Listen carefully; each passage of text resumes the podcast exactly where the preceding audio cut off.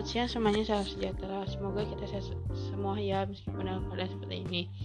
Uh, se sebelum saya mau mengaspirasi atau memberikan komentar terhadap uh, hasil pre hasil dari presentasi dari kelompok 13 melalui podcast, izinkan saya terlebih dahulu untuk memperkenalkan diri saya.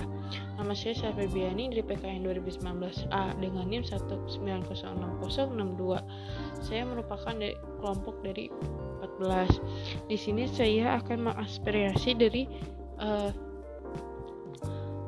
hasil presentasi chapter report yang dilakukan oleh kelompok 13 yang dilakukan oleh rekan saya teman-teman saya ada saudara Aisyah dan uh, saudara Nanda untuk secara di podcast mereka sudah bagus suaranya sudah bagus jelas. Terus apalagi ketika Nanang menjelaskan terlihat bang terlihat sekali Nanang menguasai materi yang uh, yang hendak ia sampaikan. Sedangkan untuk tadi uh, Aisyah adalah mungkin ada nggak tahu kesalahan teknis atau gimana. Ketika ia menyebutkan beberapa prinsip bukan prinsip ya menyebutkan beberapa hal uh, mengenai kayak kegiatan yang akan membuat kegiatan-kegiatan siswa. Kan itu di poin-poin. Nah tadi itu ia menyebutkan kan satu dua tiga. Tiga itu kan terlibat dengan masalah masyarakat yang menjadi ber, menjadi perhatian mereka. Lalu ketika memunculkan kan harusnya empat. Tetapi uh, Aisyah tuh tadi um, menyebutkan dia nomor tiga. Jadinya tuh mungkin uh, nantinya akan membingungkan para pendengar podcast. Jadi sebaiknya ketika seperti itu agak diperhatikan ya kalau misal itunya. Jadi biar nggak terlalu bingung.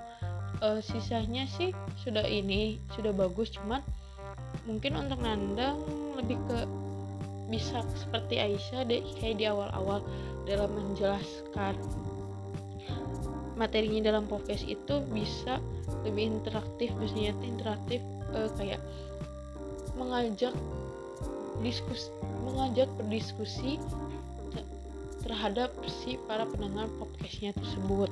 Nah kayak tadi kan kayak Aisyah bilang e, kalian tau gak sih gini gini gini? Terus dia diam dulu sejenak nah itu tuh kan kayak kesannya tuh berinteraktif. Nah nandang juga bisa seperti itu. Jadi kayak balance gitu jadinya sama-sama bagus. Nah untuk powerpointnya sendiri sih untuk powerpointnya sudah bagus sebenarnya mah. Cuman kayak mungkin lebih bisa di poin-poin aja gitu nggak usah dimasukin semua. Jadi kayak kelihatannya lebih bagus kan toh sama kalian saat di podcastnya pun sudah dijelaskan semuanya. Dan menurut saya bagus gitu. Jadi di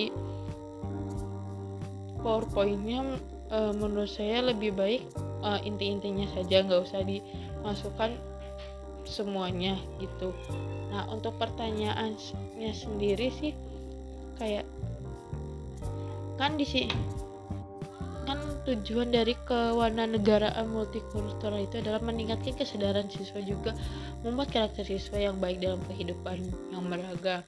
Nah, bagaimana jika kita sebagai yang nantinya guru menjadi guru PKN uh, tidak bisa meningkatkan kesadaran atau istilahnya mah gagal gitu dalam mem mempelajarkan atau mencapai tujuan kewarganegaraan multikultural terhadap siswa.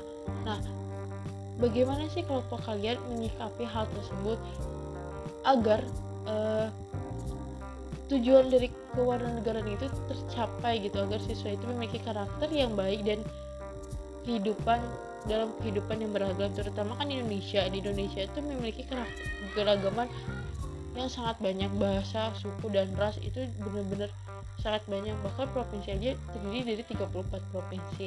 Nah bagaimana sih uh, kita nanti terutama sebagai guru PKN agar membuat karakter siswa yang baik dalam kehidupan beragam itu? Jadi kayak tidak adanya saling bully kan bias karena biasanya itu di tingkat SD biasanya itu jika ada ter terjadi perbedaan apalagi perbedaan ras suka ada rasanya bullying. Nah bagaimana kalian menanggapi hal tersebut? Terima kasih